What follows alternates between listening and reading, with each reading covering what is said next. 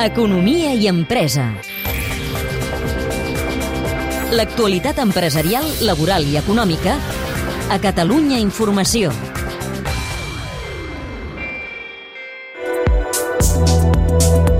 Les vendes de bicicletes han augmentat al nostre país, però què passa a la resta de l'Europa continental? Han augmentat o han disminuït? Ara hi ha més o menys bicicletes que abans?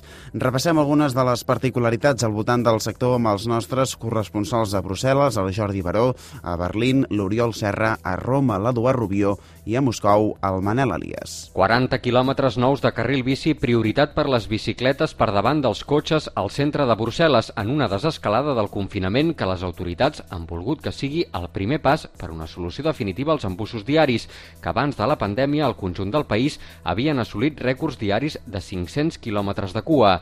S'ha vist molta afluència de compradors en la reobertura de les botigues de venda de bicicletes al barri europeu, on els entorns de les institucions de la Unió Europea, normalment col·lapsats de trànsit pel moviment de milers de funcionaris, encara estan semideserts. Brussel·les ha engegat la campanya Pedalem a fons i s'ha inspirat en Viena, París o Berlín per intentar pacificar la circulació, sobretot al centre, on els cotxes només poden anar a 20 km per hora i han de compartir la calçada, de moment 3 mesos, amb vianants i ciclistes.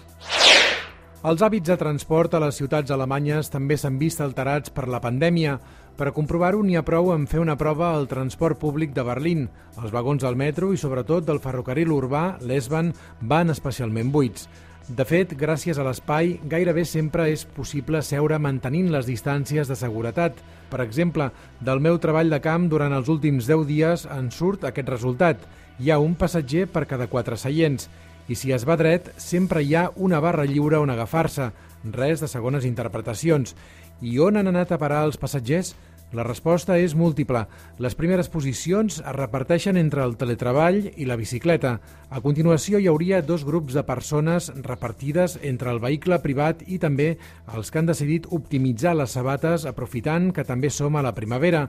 Com dèiem, el sector de la bicicleta està sent, sens dubte, el gran beneficiat. Hi ha nous usuaris i, per tant, també noves bicicletes. I això s'ha notat a les més de 5.000 botigues o negocis dedicats a les dues rodes sense fum que hi ha aquí a Alemanya.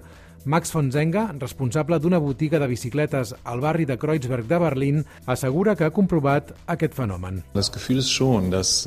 Sí, tenim la sensació que en les circumstàncies actuals la gent no va tant en transport públic i molta gent es passa a la bicicleta. Gent que abans es desplaçava en cotxe, autobús o tren i ara va en bicicleta.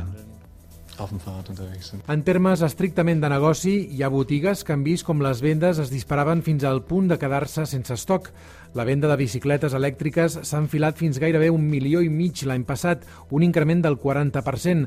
A Munic, per exemple, hi ha botigues que estan seguint en directe la ruta dels vaixells de contenidors que han d'arribar al port d'Hamburg procedents de països asiàtics. El nostre venedor de bicicletes no vol treure conclusions massa aviat.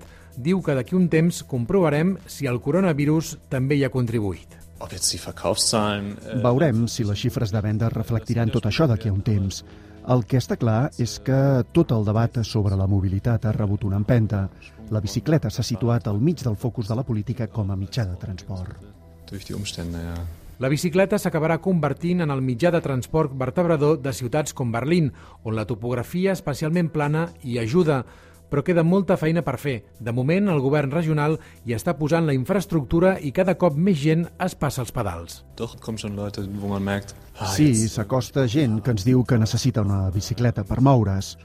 Des de la ciutat s'han impulsat mesures de suport a la bicicleta, com ara l'increment dels carrils bici, i molts s'han fet més amples. Esperem que això segueixi així quan tot torni a ser normal.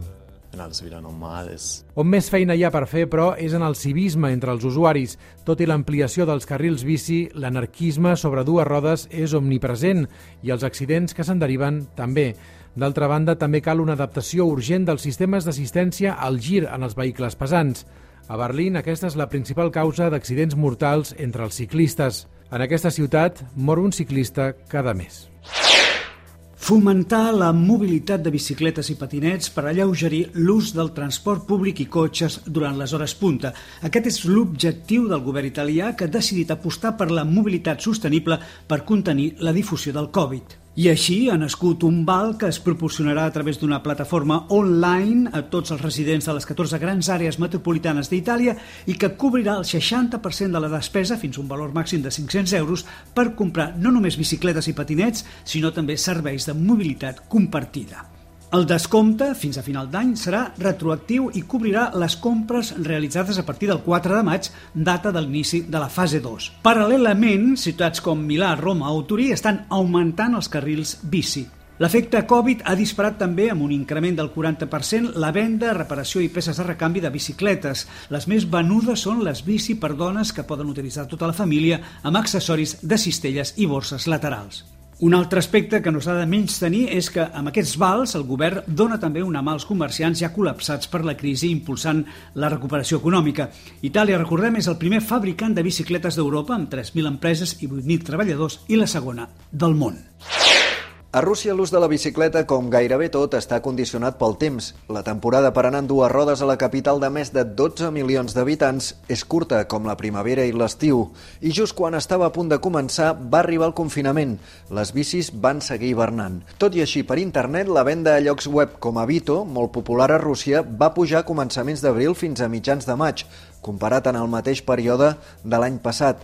En concret, un 35%. Els motius dels compradors no s'han analitzat, però es creu per una banda que el confinament ha despertat les ganes de fer una vida menys sedentària i per l'altra les dues rodes permeten evitar altres mitjans de transport més concorreguts i amb més risc de contagi. I a més, a Moscou, durant aquests mesos de pandèmia, cal un codi QR per circular en cotxe, metro o bus que no demanen amb la bicicleta. Les botigues, però, també han tingut males notícies. Les vendes de bicis per a nens han caigut perquè els parcs s'han tancat a moltes ciutats i ara quan les mesures de confinament es comencen a relaxar, les temperatures en ciutats com Moscou s'han desplomat. Fa un parell de setmanes que vivim moltes estones amb la sensació tèrmica de 5 graus. A una botiga especialitzada, l'Imperi de la Bicicleta, ens diuen que aquests dies no en venen ni una.